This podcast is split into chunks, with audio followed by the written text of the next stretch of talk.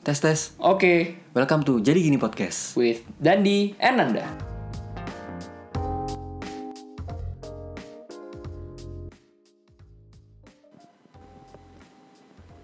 Jadi gini Nan. Gimana gimana tuh Dan? Em, ini hari ini hari yang menyenangkan ya kayak buat orang Indonesia ya kayaknya ya. Kenapa ini ya. tuh? Kenapa tuh emangnya? Jadi di waktu recording ini nih hari ini nih itu pas banget Indonesia baru mendapatkan medali emas sama perunggu di cabang eh, badminton di Olimpiade. Tokyo 2020. Akhirnya ya Dan ya, akhirnya eh, dua satu cabang lagi di Indonesia di badmintonnya yaitu tunggal pu eh ganda putri akhirnya bisa mendapatkan medali ya Dan ya. Iya, wah itu pecah banget tuh kayak apa ya kayak pecah banget lah scene-nya tuh kayak apalagi di sosial media juga kan apalagi kan. Ya kan. Menurut gue karena ini sih Dan eh, bisa dibilang medali ini tuh jadi spesial karena eh, ini adalah pertama medali pertama di di cabang yang tadi gue bilang ganda putri. Sama yang kedua itu eh, buat beberapa atlet kayak misalkan yang menang eh, emas yaitu si Rahayu itu jadi salah satu dari eh, emas pertama eh emas pertama. Jadi salah satu Olimpiade pertama yang diikutin sama dia. Jadi Oh. ini emang bener-bener apa ya spesial banget lah gitu ya. Menang di debutnya lah ya gitu. Iya makanya. Em, yang gua kagum sih sebenarnya nan selain uh, prestasi atletnya sendiri itu Hmm. kegercepan netizen Indonesia nan Kenapa tuh emang? yang bikin-bikin meme gitu kan Wah, kayak gercep banget nih apa namanya si netizen netizen Indonesia nih gua ngeliat itu udah ada bertebaran itu foto-foto yang em, kayak pejabat-pejabat gitu kan Oh. terus niruin-niruin pejabat kumpulan kumpulan foto-foto penyelamatan dari pejabat ya Dan ya. Iya iya iya. Yang kayak Aduh. atletnya sekecil ini nih, atletnya lebih kecil daripada foto pejabatnya tuh. lucu banget tuh. Yang nggak kalah lucu lagi orang-orang yang niruin kayak tokoh-tokoh anime. Kayak gue ngeliat tuh Raja Oza itu, Raja Api Oza itu dari Avatar Eng tuh gue, lah buset, Raja Api Oza ikut juga tuh. Iya. Nggak, bahkan juga ada beberapa teman-teman kita juga ya Dan ya bikin ya. Nggak, ya random aja dia dia ngegedein muka dia tapi ada muka Apriyadi sama Gracia Polinya di situ ya. Emang emang buat apa namanya buat si netizen Indonesia sendiri tuh kreativitas tuh emang tanpa batas kayaknya sih. Udah dah. Gua. Ini kita udah kayak broto happy aja nih sama Bu Yuli nih ngomongin badminton mulu. Sama Maskus Maskus. bungkus bungkus udah, bungkus bungkus. Iya. Eh, Aduh. nah, nggak di kita baru record lagi nih Dan ya. Nggak, lu ngapain sih? Lu sibuk apa sih? Hiatus nih dua bulan kita hiatus dua bulan ya. ini eh, apa- jangan-jangan orang-orang mikir wah ini udah nggak niat lagi nih, kayak udah nggak dilanjutin lagi nih. kayaknya." Ya gue nggak menyalahkan sih orang yang berpikir seperti itu sih. ya dua bulan nggak ngapa-ngapain kan. bener bener bener. Nggak, jadi kesibukan lu apa sih Dan? Ya seperti dibilang di episode 1 ya kalau misalnya orang yang dengerin em, kita ini berdua sama-sama mahasiswa tingkat akhir kan. Namanya tingkat akhir kan harus mengakhiri kan. Kalau nggak mengakhiri namanya tingkat lanjut tuh, lanjut. Nah cara mengakhirinya adalah ya ada namanya skripsi dan di akhir ada namanya sidang. Betul. Basically itu yang kita lakukan selama dua bulan terakhir. struggling struggling dua bulan terakhir struggling, struggling. struggling gitu. Kayak gitu. Dan itu juga mungkin em, topik yang bakal kita bawa hari ini ya mungkin ya soal Iya, betul. perkuliahan sama jalan menuju sampai kita menyelesaikan kuliah gitu ya. Udah sarjana nih, udah sarjana ceritanya. Wis gila. Belum belum resmi Pak, belum resmi, belum resmi. belum resmi, belum SKL resmi. belum keluar SKL. Belum keluar, belum bisa kerja. Nggak ada, tapi dan gue kalau ngomongin soal kuliah ya asli nih, bener deh. Gara-gara pandemi ini tuh jadi sering banget gue tuh buka-buka galeri foto gue, nonton nonton nonton video. Ingat-ingat masa-masa zaman kuliah offline sih sejujurnya. Su- Sumpah sumpah kangen banget sama kuliah. Lu kangen gak sih? Kangen sih kayak apa ya apalagi kalau misalnya kita tuh di tahun terakhir kita tuh kita nggak nggak ketemu temen gitu loh nggak kuliah gitu loh kuliah dari rumah kan makanya kayak ya pelipur laranya Yes. tuh yang lihat-lihat galeri ya kan Nggak. Eh, kalau gue pikir-pikir lagi ya Dan ya, kayak dari awal dulu kan perjalanan gue dulu kan. Gue dulu masuk kuliah lewat SBM gue, weh. Anak-anak mepet mepet nanggung, baru sadarnya pas akhir-akhir kan, bukannya anak-anak SNM yang dari rapot kan, gue akhirnya harus bimbel-bimbel apa segala macam, akhirnya gue dapet masuk kuliah dari SBMPTN gitu kan, wah gila gue ngerasa perjuangannya gokil sih gue akuin sih. Kalau lu gimana dan dulu dan? Pas masuk kuliah gimana sih lu? Em, lu kan bilang tuh eh, lo masuk dari SBM kan dan hmm. kebetulan gue SBM dua kali bro Nggak, gimana tuh? Kenapa, jadi gimana? gini ceritanya jadi gini jadi gini gue tuh dulu masuk pertama kuliah itu em, gue itu pakai jalur mandiri tuh jadi jalur gue masuk ke kelas internasional terus gue ngerasa kayak em, kayaknya gue bisa exchange dengan gue di reguler deh Terus kayak ditambah lagi ya yang obvious lah bayarannya lebih murah kan. Akhirnya gue akhirnya gue uh, SBMPTN lagi dan dapet gitu di tahun kedua gitu. Tapi em, untungnya gue tuh SBM di gue maksudnya em, tujuan gue tuh di tempat kuliah yang sama. Jadi kayak ya gue nggak kehilangan apa-apa. Gue cuma ibaratnya pindah dari internasional ke reguler lah gitu tapi gue nggak ngulang dari awal lagi walaupun nomor induk mahasiswa gue itu angkatan 2018 sebenarnya ya anak anak gitu. anak 2018 ya sebenarnya ya, angkatan Iya, sebenarnya. di bawah angkatan yang seharusnya berarti kan harusnya Seharu- iya benar benar kayak gitu. Cuma dulu lu bilang kan lu em, susah tuh masuk kuliah gitu. Tapi kayak waktu lu masuk kuliahnya sendiri gitu kayak bener-bener hidup maksudnya hidup sebagai mahasiswa tahun tingkat pertama gitu lu kayak Mhm. Apa sih yang lu laluin gitu? Kayak adaptasi atau gimana gitu? yang pasti yang satu hal yang paling gue itu salah satunya pas zaman zaman orientasi sih dan pas zaman zaman kita ospek ya kan kayak eh, pertama kali itu gue nemu kita ibaratnya udah dikelompokin di eh, satu kelompok kan dibikin-bikin satu kelompok yang isinya orang-orang random kan dari berbagai jurusan kita juga itu Iya. buat orientasi pertama ya kan terus kita juga ada mentor apa segala macem dan eh, ya gue jujur agak kaget sih awal ya sama eh, sistem or- orientasi kayak gitu di mana kayak biasanya pas gue datang-datang acara-acara kampus sebelum orientasi itu gue pasti sama teman-teman gue kan teman-teman SMA tapi akhirnya tuh di situ gue dipecah dan gue harus ketemu lagi sama orang-orang baru. Which is awalnya gue agak-agak nggak suka sih tapi lama-lama ternyata kayak akhirnya gue nemu lagi eh, teman-teman baru jadinya. Kayak esensinya ya gue akhirnya dapet teman baru lagi. Walaupun agak-agak ini ya eh, agak-agak menegangkan ya di awal-awal awkward ya kan. lagi awkward kan. Iya makanya. Jadi ya menurut gua eh sebenarnya first impressionnya agak agak gak begitu apa ya nggak begitu eh, baik buat gua perkuliahan itu. Tapi turns out ternyata setelah gua kenal teman-teman baru kenal experience baru menurut gua jadi seru sih. Ibaratnya menurut gue tuh kalau ospek orientasi gitu lo ketemu teman baru tuh ibaratnya lu tuh dicemplungin gitu lu cemplungin lu disuruh disuruh berenang gitu kayak udah sana lu ketemu main sama orang baru terus em, ngikut apa jalanin rutinitas baru kayak gitu. Menurut gua sih Bener-bener. kayak ini gitu. Tapi nan em, selama kuliah sendiri kayak apa sih misalnya kayak kegiatan-kegiatan yang lo lakuin gitu ya? Misalnya kayak kita udah pernah ngomong ini di episode pertama nih kayak lu waktu itu em, pernah jadi ketua himpunan gitu tapi maksudnya kayak betul. yang sehari-hari gitu loh. Hmm. Eh, apa sih kayak yang lo inget gitu? Oke oke. Yang pasti yang gue kangenin adalah eh, teman-teman gue, teman-teman yang terutama peer group gue. Eh, halo teratai di sini teman-teman. Kebetulan juga peer groupnya Dandi juga ya.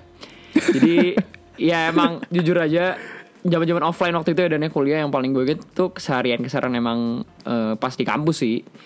Kayak sesimpel eh, kalau pagi gue biasanya datang hampir 80% dari hidup kehidupan kelas perkuliahan gue itu gue pasti telat dan itu menurut gue itu juga udah- menurut gue memorable banget sih kayak deg-degannya apa emosinya kalau lagi macet di jalan kan lu tahu kan kalau misalkan mau ke kampus kita tuh di Depok harus muter balik kan di lewat Iya, jalanan macet ya. eh, yang lagi dibangun jadi harus belokan eh, muternya jauh jadi ya itu berpacu sama waktu berpacu sama eh, emosi apa segala macem Terus ya paling ini sih dan kegiatan-kegiatan yang kayak misalkan ke perpustakaan, terus ke kantin juga, itu menurut gue sesuatu yang memorable banget sih. Asli. Hmm. Hmm. Kalau gimana lo? Kalau gue sebenarnya kalau yang tadi tuh yang telat itu yang lo kan naik motor ya kayak Hmm. itu gue nggak relate tuh karena gue anak anak commute gue anak komuter gue anak bener, kereta gue angker jadi gue em, kurang relate tuh naik motor ya tapi telatnya gue tetap relate sih apalagi kelas pagi kan kelas pagi tuh kita jam 8 kayak mana ada nggak sih orang datang pas jam 8 ya ada mungkin yang Ada dan cuma bukan, kita. aja. bukan kita aja. Tapi nan yang Hmm. gue em, kangenin tuh dari kuliah itu kayak apa yang lu lakuin di kampus misalnya kayak ses- sesimpel nonton pertandingan antar fakultas. Oke, iya iya iya, kan? iya, kayak aduh, pertandingan olahraga atau apa gitu. Kadang sampai cabut kelas. Gue inget banget kita berdua, kita berdua nan. Hah? Gue inget banget. Apa nih? Kita, Gue lupa apaan. Kita nonton ini kayak short movie gitu. Sampai Oke. cabut kelas. Oh, tunggu tunggu. Yang di yang di Fakultas Teknik bukan? Iya di FT. Oh, inget inget inget inget inget inget. Sampai cabut Sosok kelas indie dulu ya. kayak. Dulu kayak ah bodoh amat lah yang penting seneng-seneng aja gitu kayak. Bener bener bener. bener. bodo amat gitu kayak sama kelas karena karena ya mungkin em, apa ya kita masih tahun pertama kali waktu itu ya jadi kayak Betul. ah seneng-seneng aja gitu. Masih cuma ya sotoy. imbasnya imbasnya jadi kan ya bersulit-sulit di akhir emang. Bener bener. aduh. Tapi apa sih kayak misalnya em, apa ya? Kayak lo kan tadi bilang tuh kayak ada peer group gitu-gitu. Itu em, lo berarti itu kayak teman belajar gitu. Maksudnya kayak kita ya itu kayak teman belajar gitu nggak sih sebenarnya peer group ya iya. gitu? Sebenarnya intinya nih, ya kan kita ibaratnya kita emang punya peer group dan itu emang ya peer groupnya tuh basically emang gimana ya orang-orang yang menurut gue paling deket pas lo di kampus sih sebenarnya. Itu yang menurut gue definisi peer group ya. Kayak eh, lu most likely mungkin satu atau dua atau kalau lagi nggak hoki kalau lo lagi eh, kalah dapet kelas ya lu pasti bakal sekelas sama teman-teman peer group lo kan. At least satu orang lah. Dan nanti pasti kan kalau setelah ke kelas tuh lu bakalan kayak nunggu buat sesi kelas selanjutnya buat eh, apa namanya eh, kita paling ngisi waktunya dengan makan-makan atau ya sesimpel ya duduk-duduk aja gitu kan di eh, selasar lah kalau eh, kampus kita kan namanya dan dan, Hmm. dan sangat-sangat membantu kalau lagi ujian ya persiapan ujian. Terutama jadi, kan jadi lu jadi tuh nggak kerasa belajar sendiri gitu? Kayak betul betul betul betul. lebih ke ada teman panik lah. Karena karena eh, mungkin ada ya tipe orang yang mungkin lebih prefer belajar sendiri kan dibandingkan Hmm. eh, belajar rame-rame. Tapi kalau gue sejujurnya emang malah lebih susah karena gue merasa kayak aduh nanti gue ketinggalan lagi ada materi apa yang gue nggak punya gitu kan? Atau Hmm, ternyata gue kurang belajarnya. Nah itu biasanya makanya gue aduh gue kayak butuh peer group sih. Bahkan kayak ya at least ada temen lah yang bersedia nih. Maaf ya eh, teman-teman yang udah gue repotin. Eh, buat gue tanya-tanyain lah soal pelajaran-pelajaran buat ujian. Dan itu terbukti efektif membantu loh sumpah. Sa- maksudnya at least saling membantu lah dan. Kalau gue sih iya gitu sih. lu ngerasain gitu gak sih? Iya kayak ya lu bilang kan lu bukan orang tipe yang bisa belajar sendiri. Gue juga tapi kayak karena alasan kalau misalnya gue itu em, belajar sendiri, gue tuh ngerasa gue tuh udah bisa semuanya nan. Kayak oh ini ini gue bisa nih. Padahal nyatanya gue Pede bisa. Jadi dulu. kayak dulu dulu, dulu gue pernah tuh kayak gue mau belajar sendiri ini. Kayak gue udah ngerasa pede kan kayak pede.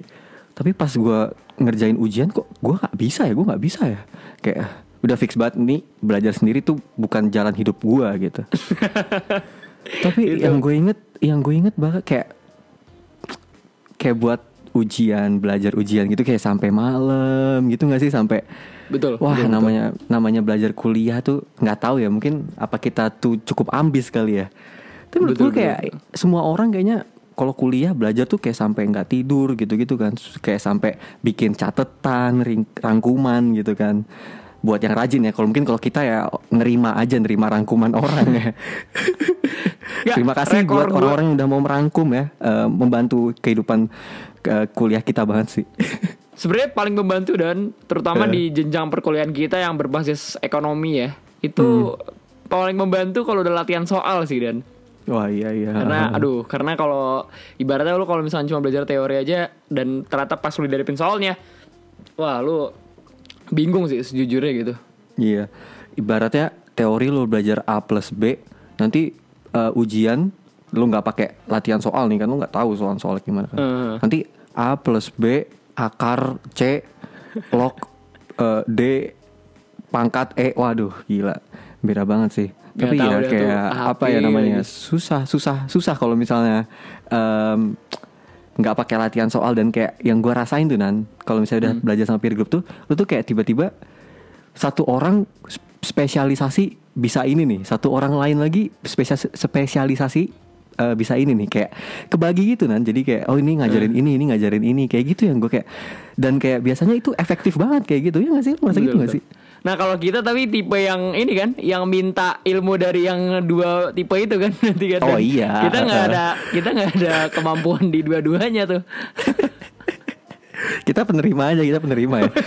Jadi kesannya kayak beban banget nih kayak iya, emang ibaratnya kita yang di carry dan. Kita, kita di carry ini. doang ini kita kerjanya di carry doang kayak kesannya nggak bisa nggak apa namanya nggak berperan apa apa ya. Paling kita berperan em, ngasih kalau misalnya belajar bareng kita berperan ngasih ide mau makan apa gitu kan. Bukan mesenin ngasih ide aja. Nggak mesenin juga dan nggak bayarin juga, cuman kayak eh makan yuk gitu ya dan deh. Iya, eh makanya eh ini kayaknya udah waktunya makan deh Sama kayak- kalau di ini dan di Apa? Hmm. tempat kita belajar biasanya ya di rumah teman kita tuh di Tanjung Barat itu dia ciri khas banget di kulkas itu selalu ada supply-supply makanan maupun Ada minuman. supply ya. Jadi kerjaan kita bukannya membantu dia, misalkan kayak at least kita nggak ngerepotin, tapi kita jarah tuh semua isinya. Ada ultra milk, ya kan? Ada kentang Iya, iya. juga kita goreng, nugget apa segala macam lihat. Orang nggak tahu diri banget ya. dimanfaatkan ibaratnya benar-benar dimanfaatkan Iya, tuh kalau capek tidur di kasurnya kayak waduh atau di sofa kan wah gila tapi Chaos em, terima kasih buat teman kita yang sudah em, sudah me, apa ya mau direpotkan lah Iya, mau sebut aja direpotkan namanya Amel direpotkan ya. banget lah. oh iya Namanya Amel. sebut aja Amel ya Eh, makasih Thank you Amel banget ya Mel ya Eh, Rumah lo udah menampung kita lah selama hampir Berjasa.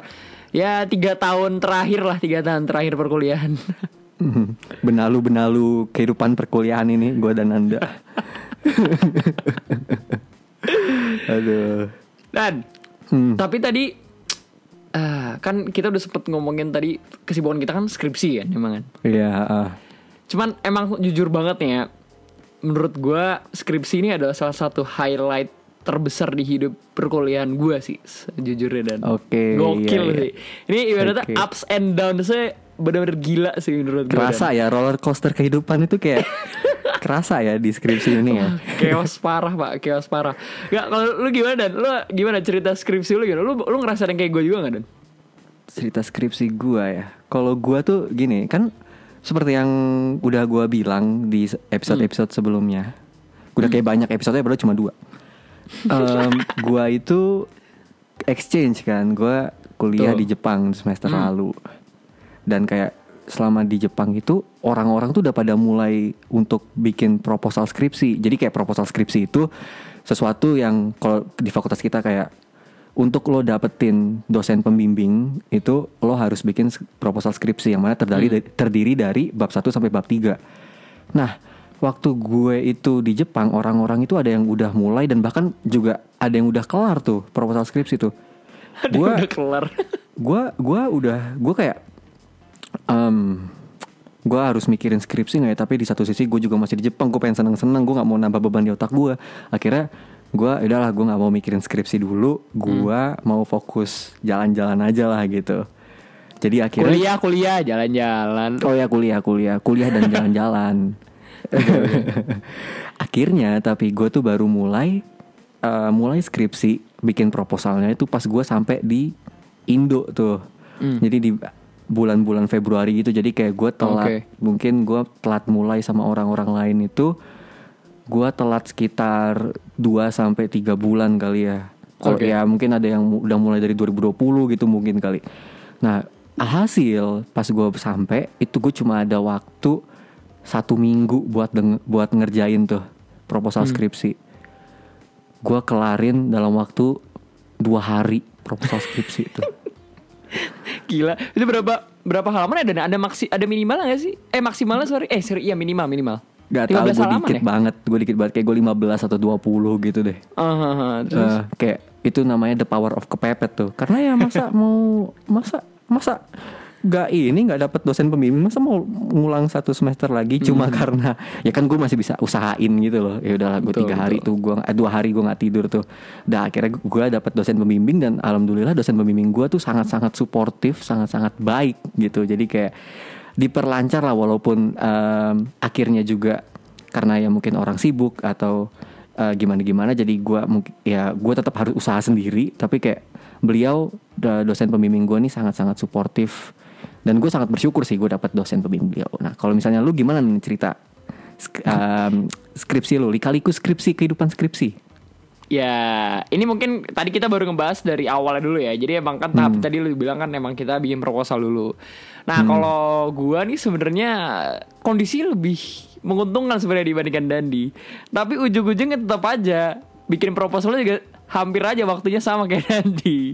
Jumawa Jadi ya, ibar- ya intinya kan sebenarnya gua tuh eh ya kan karena gua nggak exchange berarti kan ya kebetulan gue tuh selesai masa jabatan gue sebagai eh, ketua himpunan itu kan di bulan Januari akhir kan. Berarti eh, karena itu selesai juga setelahnya ujian akhir pergantian semester baru harusnya tuh kayaknya seyogianya ya eh, teman-teman kita tuh pada udah mulai ngerjain eh, proposal tuh dari Januari awal atau dari Desember akhir gitu dan lazimnya ya lazimnya. Iya lazimnya Ah, gitu. ah, ah. Cuman gua tuh kayak eh, masih ngerasa ah udahlah ini kan kita lulus Juni ini masih jauh lah. Lu, eh, bener Timeline ya? masih timeline masih lebar itu. tahunnya masih lebar dan lima bulan. Ah, iyalah udahlah gitu. Sampai eh, akhirnya gue iseng-iseng aja kayak eh, karena agak cukup terpressure juga ya karena eh, peer group kita juga beberapa udah ada yang bahkan udah mulai eh, udah selesai bahkan Iya bikin kan, proposalnya. jadi ya udah gue iseng-iseng aja tuh. Dan gue inget banget eh, di tanggal 23 Januari akhirnya gue nemu eh, jurnal acuan gue yang Hmm. itu gue ng- ngeliatnya berdasarkan kayak oh oke nih ini sepertinya gue mengerti dan kayaknya datanya mudah dicari gitu kan. Hmm, akhirnya gue buat lah eh, proposalnya dan akhirnya gue buat yang eh, ternyata selesai di bulan Maret kurang lebih bulan Maret abis itu gue di minggu pertama April kalau nggak salah gue akhirnya dapat dosen pembimbing Oke. dan Berarti duluan ya- duluan lo kalau nggak salah duluan lo sebulan deh dari gua dapat dosen Oh pembimbing. iya ya duluan gue ya, duluan gue ya. Oh ya, duluan, berarti ternyata gue nggak secaur itu. ya tapi pokoknya intinya akhirnya gue dapet di awal April tuh dapet dosen pembimbing dan ya mulailah itu lika-liku perskripsiannya tuh dimulai dari situ lah ibaratnya. tapi dan, tadi kan gue lu, lu bilang tadi dosen pembimbing lo sans kan jatuhnya. Hmm, itu santai, gimana santai, dan ya. lu gimana sih dia salah satu contoh yang eh, turns out ternyata dia adalah dosen pembimbing yang baik tuh kenapa emang ya gimana tuh? Contoh ya, em gue ngasih ke gue ngasih beliau. Tapi gini sih, kan eh, namanya dosen pembimbing kan ibaratnya lu membimbing membimbing lo dan lo tuh harus ngelakuin yang namanya bimbingan tuh yang kayak lo tuh nanya ke dosen Betul, lo, betul. em, gimana nih ini gimana pak? Baiknya pak? Ini gimana bu? Baiknya bu? Betul, Em, betul. skripsi saya nih mau gimana nih gini gini Em, bimbingan pertama gue lakuin di hari pertama gue dapet dosen pembimbing tuh. Serius loh, lo jadi itu hari pertama lo keluar muncul namanya langsung bimbingan. Langsung gue, gue langsung, Oke, oke, gue langsung terus, terus. Beliau langsung minta telepon. Wow oke oke pak, Ba- baik saya telepon gitu. Gue telepon, ditanya-tanyain kan. Gue kayak, aduh, gue nggak ngerti nih. Gue sampai kayak dia nanya sesuatu nih, gue nggak ngerti. Gue Google dulu kan, terus dia kayak nanya, halo halo, eh, Mas Pradana, Mas Pradana, eh, gimana? Ngerti nggak gini? Gue kayak, oh iya maaf pak, maaf pak, tadi sinyal saya kayaknya jelek nih. Padahal gue Google, gue nggak tahu apa yang ditanya. itu itu namanya ilmu stalling ya dan ya. itu Ilmu berlaku stalling gitu, juga kalau lagi ketemu sama dosen pembimbing ya dan ya. kepepet kepepet itu gue udah stalling stalling aja udah tuh gue kayak gue udah gue udah niat nih kayak oke gue gue mau kelarin skripsi cepet gue bimbingan pertama di hari pertama gue dapat dosen pembimbing which is kan gue bilang tadi kan kayak lo duluan kan jadi dosen pembimbing gue tuh somehow gue tuh gue tuh dapat dosen pembimbing satu bulan em, kayak satu bulan setelah gue submit eh, proposal gue gitu. Yap. which, which is biasanya orang-orang itu kayak seminggu atau dua minggu jadi kan gue hitungnya telat kan gue kayak gue nggak mau ketinggalan nih sama orang-orang udah gue kontak. Setelah gue kontak em, bimbingan pertama di hari pertama lu mau tahu kapan bimbingan kedua gue Kapan? satu setengah bulan setelahnya. Satu setengah bulan setelahnya. Positif thinkingnya sibuk kan bapaknya? Sibuk dan ya kan. Mungkin bapaknya sibuk ya nggak? Gak kalau ini emang gue aja aja sih. Oh kenapa kenapa? Lu kenapa? Lu ngapain emang? ya namanya ya namanya mahasiswa lah ya. Mungkin mut-mutan lah. Lu mengalami yang seperti gue juga gak tuh? Yang ah masih Iya, lama lah. gue rasa kayak ah masih lama ini kayak tiba-tiba Gitu. Lah kok udah tinggal sebulan? Seperti biasa ilmu kepepet muncul lagi ya dan ya. ilmu kepepet muncul lagi. Gue langsung kayak ah oke gue langsung cari data gue langsung olah data. Tapi kayak di do- di em, bimbingan kedua gue tuh gue langsung ngasih banyak gitu. Nah Hmm, gue langsung gue langsung kayak em, ngasih banyak gitu. Kayak gue olah-olah data gitu-gitu dan yang gue bilang tadi dosen gue santai itu sebenarnya kayak beliau itu menurut gue bukan orang yang paling solutif menurut gue gue kayak Oke. gue udah ngasih data nih kayak pak ini saya nggak signifikan nih kayak gini hasilnya ini baiknya gimana? Katanya kayak ya coba kamu ganti objek penelitian aja. Gue disuruh ganti padahal gue udah olah data kan tuh udah udah ibaratnya udah tinggal gue nge-present doang datanya gitu suruh ganti. Cuma akhirnya kayak gue kayak aduh ini kurang solutif nih masa gue suruh ganti nih? Kira gue kira kayak coba suruh pakai tes apa uji apa yang lain gitu kan tapi ya yang gue suka dari beliau tuh kayak beliau tuh kayak selalu ngasih semangat gitu. Semangat Mas Pradana. Kayak oke bagus Mas Pradana. Kayak gitu. Dia kayak dia kayak apresiatif gitu. Dan gue kayak sebagai sebagai mahasiswa yang gak tahu apa-apa digituin sama orang yang ahli gue kan kayak oh, senang banget sih gue sih kayak gitu. Dan kayak urusan di akhirnya yang kayak soal ngasih tanda tangan gitu-gitu beliau nggak ribet gitu. Nggak biasanya kan kayak iya saya mau ini saya mau hard copy saya mau em, mau ini ini ini ini ini ini, syaratnya ini ini ini kayak gitu gue kayak oh beliau kayak cuma oke dari dari saya oke paling cuma benerin typo udah ini tanda tangan saya Eh, mohon cuma dipakai buat urusan transkripsi kayak gitu gue gue sih bersyukurnya di situ nan kayak gitu I see, I see, I kayak see. gitu kalau lu Ya, gimana lika-likunya nan Nah, ya kalau gue ya sebenarnya Hmm. i- di awal Menarik sama nih. kayak lo lah dan awal ngerjain skripsi ya. Hmm. Eh, gue itu eh, cukup lama dapat eh, dosen pembimbingnya kan kayak gue tuh submit minggu pertama Maret dan gue baru dapat eh, gue baru dapat dosen pembimbing tuh sebulan setelahnya di tanggal di minggu pertama bulan April juga. Dan abis itu gue tuh sempat harus kontak dulu eh, dosen pembimbing gue langsung dan akhirnya gue nggak langsung kayak lo. Tapi mungkin seminggu setelah gue dikasih eh, pengumumannya kalau misalkan gue dosen pembimbingnya beliau akhirnya gue akhirnya bimbingan. Dan eh, pembimbing gue ini eh, tipe yang lebih ke eh, ngawasin secara eh, secara nggak begitu detail tapi maksudnya kayak dia tuh lebih yang eh, membebaskan atau melepas eh, dosen apa mahasiswa bimbingannya untuk coba yuk eh, dimulai dulu. Karena eh, ya setelah gue sadarin emang skripsi ini juga jadi salah satu tahap belajar dan ya mungkin salah satu hal yang gue syukurin ya dari eh, gue dapet dosen bimbing ini dan skripsi yang gue kerjain ya. Karena ya gue jadi bener-bener ibaratnya Belajar. walaupun emang kita gue nggak replikasi dari jurnal acuannya ya tapi at least gue juga bener-bener start bener-bener from the scratch gue bikin dari latar belakang sampai akhirnya gue ngambil data sendiri dan gue akhirnya juga ngolah data sendiri dan akhirnya gue juga nulis nyusun strukturnya biar sinkron. Itu tuh yang menurut gue satu pelajaran yang mahal sih. Cuman emang eh, perjalanan gue tuh tidak semulus itu karena eh, gue eh, sempat ngalamin stuck di mana di bab satu satu dua tiga gue itu gue lama banget ngerjainnya itu karena gue sendiri. Karena eh, sama eh, seperti yang gue bilang juga Ya, di kemarin-kemarin kayak gue ngerasa ya. ya udahlah satu dua tiga bisa lah gampang cepet lah paling eh, beres dan tiba-tiba udah di bulan April eh enggak sorry tiba-tiba di bulan eh, Mei minggu Mei. kedua di mana Iya. deadline eh, dikasih tahu juga dari deadline itu di bulan Juni dan gue ngerasa kayak hah kok waktu kayak cepet banget ya. Padahal gue yang nggak kan? ngerjain gitu loh. Waktu lebaran kan kayak Iya, Mei benar, tengah benar. iya sama sama. Waktu lebaran, tiba-tiba kayak kok tiba-tiba udah hamin eh, hamin satu setengah bulan?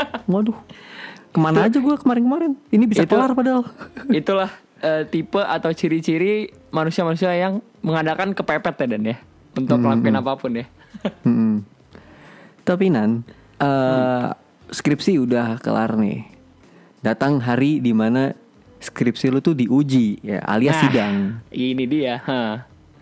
ya kan? Ya kalau gua sih cerita sidang gua sih ya standar lah kayak em, latihan sidang, bikin presentasi, la- latihan nge-rap selama 15 menit. Latihan kira-kira bakal ditanya apa. Ya. Em, ya kalau misalnya ini berusaha pede buat ngerti, ya ngerti sih memang, tapi kayak berusaha buat jawabnya tuh secara pede. Betul. Sama paling ini sih amunisi terakhir kalau misalnya ditanya nyiapin amunisi terakhir ya itu adalah baik nanti saya tambahkan di revisi. kayak gitu ya. Gua sidang gue cerita sidang gue standar lah. Kayak gitu itu cerita. kalau kalau Iya bisa kan? digambarkan dalam bentuk emoji tuh gak sih lo emoji yang tangan dua Nah. kayak selagi selamat lebaran tau gak dan emoji Iya emoji emoji dosen gue bilangnya emoji Iya, dosen tuh. Karena di setiap em, apa namanya chat gue ke dosen gue itu udah pasti ada tuh itu emoji, Emoji tuh. Dan dia balas juga sama kayak atasan. gitu. iya udah itu udah emoji template tuh. cerita sidang gue ya kayak gitu-gitu aja. Yang menarik nih cerita sidang Nanda. Ini lu cerita Nah. sidang cerita sidang lu tuh gimana tuh? Ya jadi eh seperti yang gue bilang dari tadi, emang perjalanan skripsi gue itu tidak mulus. Bahkan emang se- sempat ada di level-level terendahnya. Salah satu level terendah dalam hidup gue. Ya ini nggak lebay tapi emang bener kayak eh ya akhirnya setelah gue selesaiin skripsinya di sidang di eh akhirnya gue merasa kayak oke gue lancar-lancar aja nih kayak sidangnya dan gue bisa gue udah lancar presentasinya dan segala macam dan saat eh, diuji atau dikasih feedback dang ternyata gue ditampar Alita. Akhirnya skripsi gue ternyata masih nggak sinkron dan cukup fatal dan.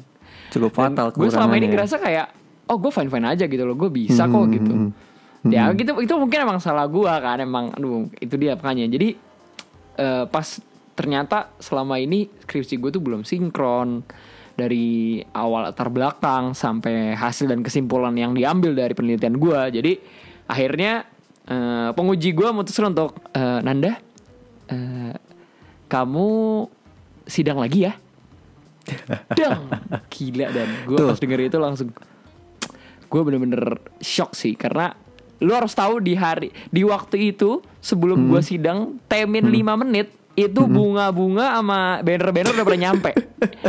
Jadi bayangin aja Betapa sakitnya gue Saat Aduh. Akhirnya itu bunga dan banner itu gak jadi eh gua bisa untuk foto. Tapi Pahit yang banget paling ya. sedihnya tetep lah kayak ya gua merasa di situ gua gagal banget. Gua ngerasa kayak gue selama ini ngapain aja sih kok gue bisa sampai secaur itu gitu loh sampai harus di sidang dua kali gitu. Jadi Mm-mm. ya mungkin gua nggak tahu ya. Dan di angkatan kita tuh ada yang sidang dua kali atau enggak tapi bisa dibilang mungkin gue adalah eh, salah satu orang yang unik ya yang bisa sidang dua kali. Untung yang Tuh. kedua lulus loh ya. Uh, Tuh tuh, yang bilang sidang skripsi cuma em, formalitas udah pasti lulus tuh. Ini nih Salah. living Salah. existence, living evidence. Kalau misalnya sidang tuh bisa nggak lulus tuh. Gak usah, gak usah jumawa karena Gak itu bukan formalitas, guys. Beneran itu harus dipersiapkan dan harus diyakin gitu loh. Kalau misalnya mas skripsi itu udah tepat gitu. Astaga. Jujur, jujur nan, waktu waktu gua dapet kabar kayak lu tuh nggak lulus, itu gue lagi OTW ke rumah lu, kayak pengen inilah kayak nyamperin lah kita misalkan nyamperin kan orang-orang yang udah lulus gitu kan. Gue lagi OTW ke rumah lu tuh, tadi kayak udah udah mau ini mau ke rumah lu, jadi ya belok udah make dia aja deh. Gue di, gue dikabarin sama salah satu teman kita dan. Katanya bahkan pas dia udah denger kabar tuh dia udah di tol, tol deket rumah gua. Itu kasihan iya, banget. gua. Iya makanya makanya. Itu kayak nan lu mau didatengin apa enggak mau ditemenin apa enggak? Enggak deh gue mau sendiri. Ya udah deh. Em, akhirnya kayak ah ini gimana ya? Akhirnya akhirnya ini nih apa namanya eh, banting setir tuh ke McD tuh. Sambil ambil aduh ini Nanda gimana ya? Gue kayak wah kasih iya ya tapi gue tahu tuh yang kayak bunga bunga sampai sebelum lu sidang gitu gitu. Aduh, waktu itu pahit juga ya rasanya. banget sih. Maksudnya jangan deh udah lu fokus dulu skripsi apa segala macam yang bener deh pokoknya. Nggak usah mikirin setelahnya lah ya nggak usah Iya, mikirin. orang-orang kan biasanya kayak mikir gue mau pakai baju apa ya pas skripsi ya? Gue mau gue mau ya jujur jujur jujur memang memang ini sih ya memang penting sih. Karena lo bisa itu foto-foto kan. Betul. cuma lebih baik memang fokus di skripsinya, Skripsinya dulu, aja sidangnya Benar, dulu benar, ya benar, gitu. Nggak jangan mikir aduh siapa yang ngasih gua bunga ya? Siapa yang ngasih gua selempang ya? Ah bro itu Gua dikasih apa ya sama aja ini, bro. Nggak usah, asli udah. asli. Lu mikir skripsi dulu. Dan maksudnya ini untuk pendengar juga ya kayak eh, based on eh, pengalaman gue, Hmm. menurut gue tuh udah deh apa namanya eh, koordinasi sama dosen pembimbing, jangan sok tahu untuk Hmm. mau ngerjain kerjanya sendiri, konsultasi sama dosen pembimbing lo, lo karena dosen pembimbing lo sesibuk-sibuk apa pun pasti mau bantuin lo, sumpah. Dan jangan Hmm. dan jangan modal kepepet kayak gue sama Jangan Dandi. Bener gak Dan? Iya iya. Bener bener bener bener. Ya walaupun at the end buat kita tuh works out ya, work out for the best. Tapi kayak ya kalau bisa cepet kenapa harus lama gitu Betul, kan? betul. Kayak gitu. Ya paling itulah kayak mungkin cerita-cerita lika-liku perkuliahan dan perskripsian sese- apa sesuatu yang kita alamin selama dua bulan terakhir ini selama kita nggak recording gitu ya. Mhm. Sama mungkin buat terakhir buat nutup em, beberapa hari yang lalu itu gua sama Nanda tuh kayak kita tuh ngepost di Instagram story nggak sih Nan kayak Betul, betul. drop Iya. your memorable college stories gitu kan. Yap, nah betul, paling betul. kayak kita Ha. mau em, sebutin beberapa dulu kali. Kayak lu lu ada lu ada cerita apa Nan dari orang yang merespon story lu Nan? Pertama-tama eh gua sama Dani juga mau bilang mau bilang thank you dulu ya yang udah Hmm. ngisi kemarin. Gitu random banget ya tiba-tiba ada foto-foto muka kita di belakang terus tiba-tiba nanya eh, most memorable stories ke- eh, di kuliah Hmm. itu thank you banget yang udah ngisi.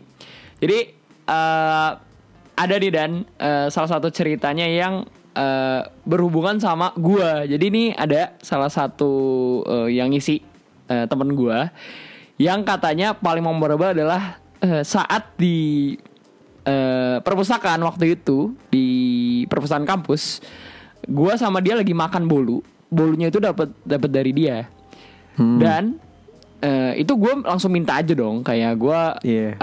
ya udah bolu kan kayak gue expectnya ya ya udah Santai eh, aja lah kalau gitu ya. bolu tuh bawahnya juga kan maksudnya nggak ada apa-apa kan. Kayak misalkan nih dalam kotak itu kan ya udah isinya bolu doang dong. Maksudnya nggak ada dilapisin apa segala macem kan. Iya, dan bolu ya udah akhirnya gitu. gue comot aja Heeh, terus? terus gue makan. Iya, dan pas gue makan ternyata? itu gue lihat ternyata di bawahnya tuh ada kertasnya dan. Dan jadi pas gue makan itu ada bentuk tuh gak sih lo? Basah eh, bekas gigitan lo tapi di kertas. Eh, aduh. Jadi dia ngelihat gue makan tuh bolu bareng sama kertas-kertasnya dan abis itu dia ngakak sengakak-ngakaknya itu sampai tem- sampai teman-teman gue ngelihat semua tuh kayak ngakak semua. Gue kayak langsung lah ini gue makan sama kertas-kertasnya. Gitu. Nah semenjak saat itu dia sangat paling memorable katanya storynya tuh itu Gak sama gue katanya memorable college storiesnya lo gimana dan Kalau dari gua mungkin inilah eh, salah satu sahabat kita ya, eh, Farel atau biasa kita panggil Babe. Hmm. Dibilang ketiban genteng. Ini artinya ini ini ini ini ya bisa jadi pelajaran ya bahwa ketiban genteng itu bisa di mana aja termasuk di kantin, di kantin sekolah atau kampus oh ya. di kantin Iya, jadi tiba-tiba Iya, iya, iya, ketiban iya. genteng aja. Apes banget ya kayaknya itu ya. Kayak gitu. Gak masalah Aduh. Gue kebayang tuh lagi enak-enak makan Itu Tiba-tiba ketiban genteng. Iya. Tapi ya semoga gak kenal ya Gak kenal ya Ya namanya ketiban genteng ya mungkin ya ketiban sih ya. Mungkin ya. Tapi ya berharapnya semoga ya inilah ya eh, Genteng-genteng yang kecil aja Bukan yang kayak satu plafon dar gitu kan Semoga lah ya Semoga Semoga Semoga aja enggak ya. Semoga Sama Bentar. mungkin dari gue juga ada lagi nih yang ngerespon. Apa tuh Dan? Eh gue sambil ini- cek juga ya Gue Eh, pengen ini juga orang nih. anon yang bilang namanya memulai bisnis. Katanya selama kuliah memulai bisnis. Oh oke nice Wah ini menarik juga nih memulai bisnis ya. Kayak ya em, jujur kuliah ini banyak opportunity menurut gua apalagi kayak apa Betul, apalagi kalau di lingkungannya bagus ya kan. Memulai bisnis itu salah satu yang tepat juga lah. Gue juga sempat memulai bisnis juga waktu kuliah dan gue sangat merekomen orang yang mau masuk kuliah tuh kayak mencoba mengeksplor apa yang kalian mau gitu. Dan memulai bisnis tuh keren juga sih. Gue sangat upload buat orang si anon ini. Tak kenapa dia nggak Oke. pakai akun asli aja gitu. Lo ada lagi nggak cerita nan?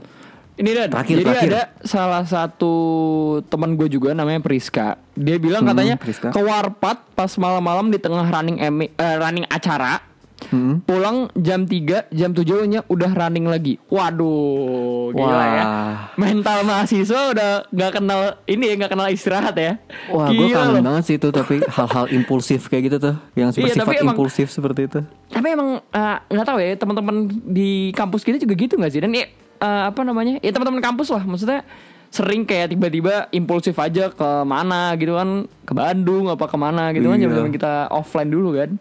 Mungkin kalau kita tiba-tiba impulsif nonton konser, ya kan, datang ke acara musik apa gitu-gitu, wah itu kangen banget sih. Nonton Ya, konser Hamin satunya ujian ya dan waktu itu kita ya Dan ya? Iya kayak iya. gitu iya, emang. iya. Mungkin itu cerita yang bisa kita simpen di episode-episode ke depannya Iya, ya. boleh boleh boleh boleh. Kelak perlakuan-perlakuan eh perlakuan lagi kegiatan-kegiatan yang bisa dibilang bodoh sebenarnya tapi kayak gue bersyukur sih kita melakukan hal-hal impulsif dan em, luar biasa kayak gitu ya em, mungkin udah kali ya buat episode ini kali ya Yap, yap, yap. Kayaknya udah ini episode terlama ya dari tiga episode yang udah kita lakukan. Ini ini episode terlama ya Dan ya. ya namanya juga udah dua bulan gak recording kan Iya. kangen sebenarnya Kayak gini kan. Ibaratnya ini wajar lah menuntaskan utang-utang yang kita absen dua bulan itu ya. Mm-mm. Terima kasih lah buat orang yang udah stay sampai Yes. terakhir gini kayak Betul. thank you banget dan kayak kemarin beberapa orang juga waktu kita sidang kemarin pada ngucapin kayak lanjutin podcastnya gitu gitu gue gue kayak gue nggak nyangka ya kok orang ada juga yang mau denger ya kayak wah Iya. makasih Terima loh. kasih, terima kasih ya. terima kasih ya semoga eh, ke depannya kita juga bisa terus ngasih em, kayak konten-konten kayak gini lah buat eh, nemenin kalian gitu Iya. Insya Allah udah konsisten lah ya sekarang ya. Walaupun konsisten. sekarang lagi kita juga udah mikir caranya buat remote recording jadi nggak harus betul. ketemuan gitu kan karena lah sekarang kondisi lagi nggak baik juga kan jadi betul betul. kita udah nemu lah cara buat remote recording gitu Yap, udah kali ya. Eh, Hah, mungkin gitu aja ditunggu kali ya? aja buat episode selanjutnya. Eh, terima kasih banget yang udah dengerin. Dah. Bye.